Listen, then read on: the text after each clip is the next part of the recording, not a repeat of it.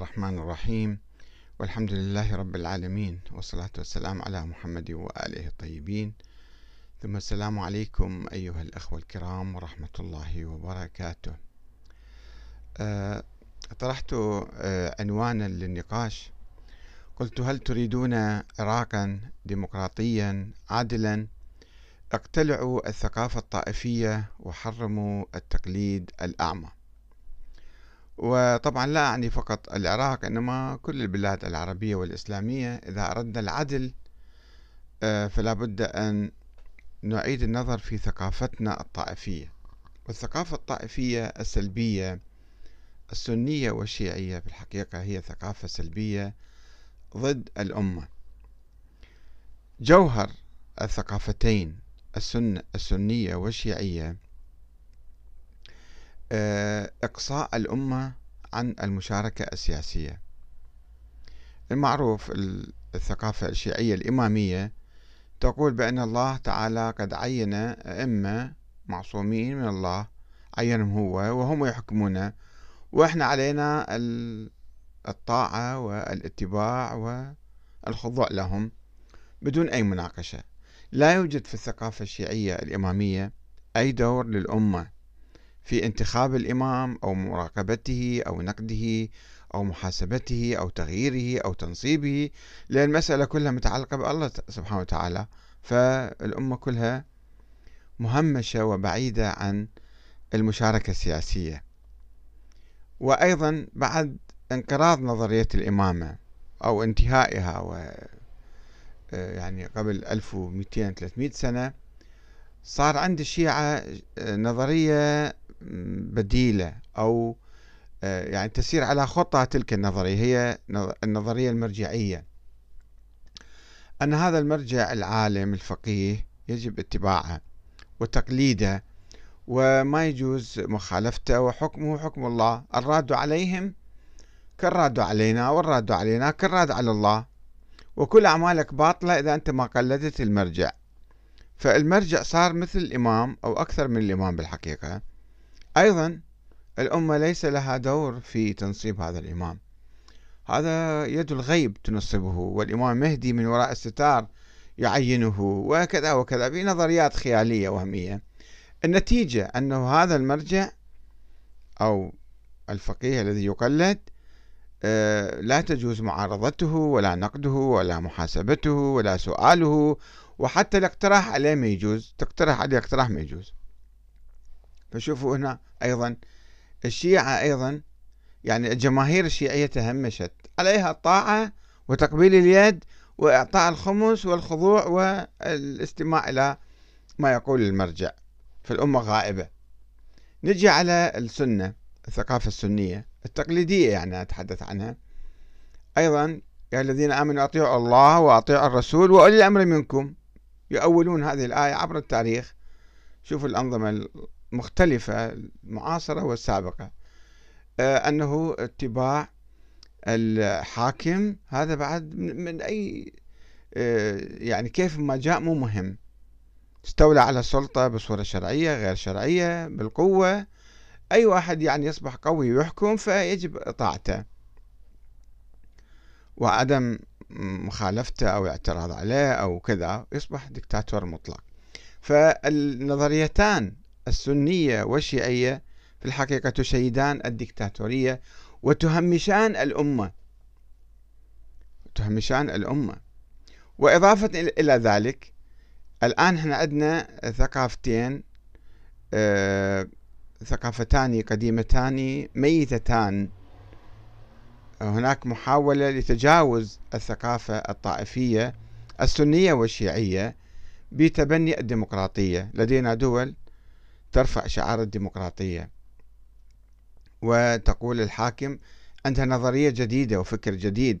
الحاكم ينتخب من الأمة وبالتالي إما بصورة مباشرة أو بصورة غير مباشرة عبر مجلس النواب. ومجلس النواب له الحق بمحاسبة الحاكم ومراقبته ونقده وتغييره واستبداله. وكل أربع خمس سنوات مثلا إحنا بإمكاننا نغير الحاكم إذا مثلا كان فاسد أو ظالم وإذا كان جيد نبقي عليه. ولكن هذه التجربة الديمقراطية وخصوصا في العراق الآن تتعرض لانتهاك وتتعرض ل يعني عقبات وذلك بفعل الثقافة الطائفية القديمة. هذا سني وهذا شيعي. وبالتالي آه، إحنا نت يعني آه، نتنكر لأهم مبادئ الديمقراطية اللي هي آه، المساواة. المساواة بين المواطنين وعدم التفريق بينهم. فنشوف إحنا نفرق وبالتالي نقع في مطب المحاصصة الطائفية. هذا المنصب إلي وهذا المنصب إلك. والشعب لا يستفيد طبعا فقط السياسيين الكبار هم الذين يستفيدون من هذه الطائفية فيتقاسمون المناصب فيما بينهم. وأيضا عندنا التقليد الأعمى للمراجع. المرجع شنو يقول؟ هو كلامه وحي منزل يصير وما يجوز تخالفه. وهذا المرجع يعني هو فوق الدستور فوق القانون لا يحاسب لا يراقب لا ينتقد لا أي شيء. فهذا أيضا يعني يخالف الثقافة الديمقراطية. نحن نحاول أن نبني بلدا ديمقراطيا عادلا ولكن لا يمكن. في ظل الثقافة الطائفية وظل التقليد التقليد الأعمى والمرجعية يعني الدينية التي لم ينزل بها الله من سلطان إحنا ما نتمكن نحصل على نظام ديمقراطي عادل سواء بالعراق أو غير العراق. هذا الموضوع بالحقيقة أنا كتب سطر واحد سطرين أثار موجة من النقاش والتعليقات وأقرأ آه، لكم بعضهم بعض الناس لا يزالون متشبثين بالثقافة الطائفية ويرفضون التطور الديمقراطي يرفضون يعني الثقافة الديمقراطية. فترون أن بعضهم مثلا حول موضوع التقليد آه، بدأ بعض الأخوة يناقشون حول التقليد هذا إن شاء الله نجاوب عليه في حلقة أخرى. الآن نجي على آه، ما يتعلق بالنظام السياسي. بعض الشيعة قالوا لا الإمامة من الله وأنت ليش تنكر الإمامة من الله؟ طبعا الأئمة مو موجودين الآن. إحنا عندنا مرجعية. المرجعية لم تعين من قبل الله ولكن هو يحتل هذا المنصب. أقرأ لكم بعض التعليقات لأن تعليقات كثيرة في الحقيقة. البعض تصور أنه بهذا الكلام الأخ كريم المجتومي يقول أريد أن أسأل منكم سؤال. أنت تريد أن تسقط المذهب من خلال هجومك على التقليد وتسميه أعمى؟ لا أنا ما أسقط المذهب. المذهب هو في ثقافة قديمة. ثقافة قديمة تقف عقبة أمام التطور الديمقراطي. الأخ علي أم محمد علي ياسين. يقول لابد أن نقتلع أصحاب الشذوذ الفكري والازدواجية أمثالك. أما الطائفية فهي مذمومة إن كانت مع الباطل وممدوحة إن كانت مع الحق آه، والقرآن خير شاهد. يعني التقسيم الطائفي التقسيم الطائفي كيف تكون مع الحق؟ كل واحد يقول الحق معايا والباطل مع الآخرين فكيف يمكن الحكم بذلك؟ إما أن نتجاوز الطائفية إما أن نقيم نظاما آه، طائفيا. آه، أيضا يسأل يقول هل تريد عراقا ديمقراطيا؟ أخرج الوهابية وداعش والإرهاب والبعث والرفاق والتكفير.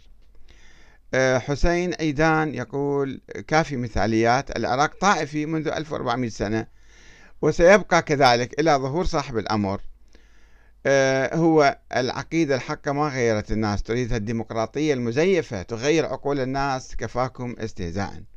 بالحقيقة إحنا كنا نعاني طوال ألف سنة من من الاستبداد والتمييز الطائفي ولا بد أن نخرج من ذلك إلى رحاب العدالة والمساواة والحرية والقانون في ظل الديمقراطية. يجي أحد الأخوان اسمه امرؤ القيس يقول أخي الديمقراطية رغم كفري بها ولكن قد تستطيع فعل شيء أما المهدي فهو عاجز عن أي شيء. هذا إن كان له وجود أصلا. هو الأخ امرؤ القيس يخاطب حسين عيدان فيقول لي أنا أكفر بالديمقراطية. يجاوب الأخ آه، حسين عيدان الأيام من ست الأيام هي من ستثبت من من منا على حق. آه، أخي الفاضل هي أمريكا مهد الديمقراطية ورأينا كيف انتهكت حقوق الإنسان جهارا نهارا. فكيف بالعراق الذي كل ناس عقليتهم تحكمه العشائرية والقبلية؟ طيب يعني لا توجد ديمقراطية مثالية في أي وقت من الأوقات. إنما هي حركة المجتمع. الديمقراطية أساسا يعني حق الأمة في المحاسبة والمراقبة والتغيير وانتخاب الحاكم وإسقاطه. هسه يجون بعض الحكام آه، يتنكرون للعدل يمارسون ظلم يستخدمون العنصرية الطائفية. يجب أن يعني نقاومهم و آه، نرشدهم ونأمرهم بالمعروف وننهاهم عن المنكر. أيضا يقول الأخ امرؤ القيس القيسي يقول أريده عراقا إسلاميا لا طائفيا ولا ديمقراطيا. هذا شيء مهم جدا نتوقف عنده قليلا حول هالموضوع. آه، قلت له يا أخ امرؤ القيس هل تقبل بعراق تحت ظل العسكر والدكتاتورية والاستبداد الذي خلق الطائفية ودمر المجتمع؟ أجابني قائلا أخي الكريم قلت عراقا إسلاميا وليس ديكتاتوريا ولا طائفيا ولا ديمقراطيا. والاستبداد ليس سمة الحكم الإسلامي أخي الكريم تقبل احترامي وتقديري. فأجبناه بما يلي أن الاستبداد كان ظاهرة لازمت أو كان ظاهرة لازمة لمعظم الحكومات التي ادعت تطبيق الإسلام عبر التاريخ. فكيف يمكن أن نصل إلى العدل والحرية في ظل النظريات السياسية المطلقة التي تعطي الحكام السلطة المطلقة وتحرم على الناس إبداء آرائهم أو انتقاد الحاكم أو المطالبة بتغييره ومعارضته حتى بصورة سلمية؟ لا يمكن أن نصل إلى العدل إلا بإحياء دور الأمة في ظل نظام ديمقراطي تقسم فيه السلطة بين سلطة تشريعية وقضائية وتنفيذية. ويتولى المسؤولون السلطة لمدة محددة أربع خمس سنوات ويتم تداول السلطة بصورة سلمية بين مختلف الأحزاب في ظل الحرية والعدل والقانون. يعني آه، مو شعار نقول حكم إسلامي وهو يتضمن أو ينطوي على استبداد وعندنا نماذج كثيرة حية لا تزال حتى الآن. حكومات تدعي الإسلام وتطبيق الشريعة وهي في منتهى الدكتاتورية والاستبداد. يقول الأخ أيضا أبو الطيب المتنبي يقول وإذا كان هناك من يكرس الطائفية وخصوصا رجال الدين ألم تسمع ذلك المعمم يقول انتخبوا حتى إذا كان فاسد؟ ما دام يقول أشهد أن علي ولي الله. نعم هاي طائفية.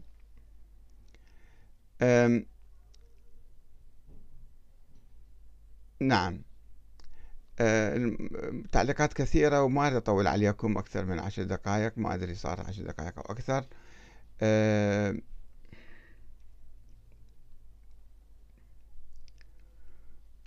نعم. هنا الأخ محمد علي حسين أو أم علي حسين يقول إلى أخي أن أن طلبت مصدر الرواية أعطيتني رابط محاضرة. هذاك موضوع ناقشناه سابقا. فالأخ امرؤ القيس يجاوبه آه، في نقاش صار طائفي تاريخي يعني. فيقول له أنت تقول أن آل محمد منصوبون بأمر الله. فما هو حال الرعية منذ ثلاثة, ثلاثة عشر قرنا؟ لماذا هم غائبون عنها؟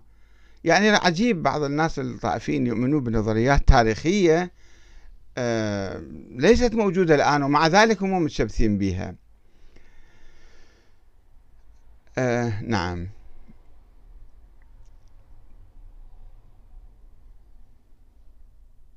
يعني أعتقد نكتفي بهذا القدر لأنه آه، الموضوع هو دائما يعني يكون فيه حوار ونقاش ومتشعب. وإن شاء الله نتحدث في حلقة أخرى عن موضوع آه، التقليد هل هو جائز أم بدعة أم مع الديمقراطية ضد الديمقراطية. والسلام عليكم ورحمة الله وبركاته.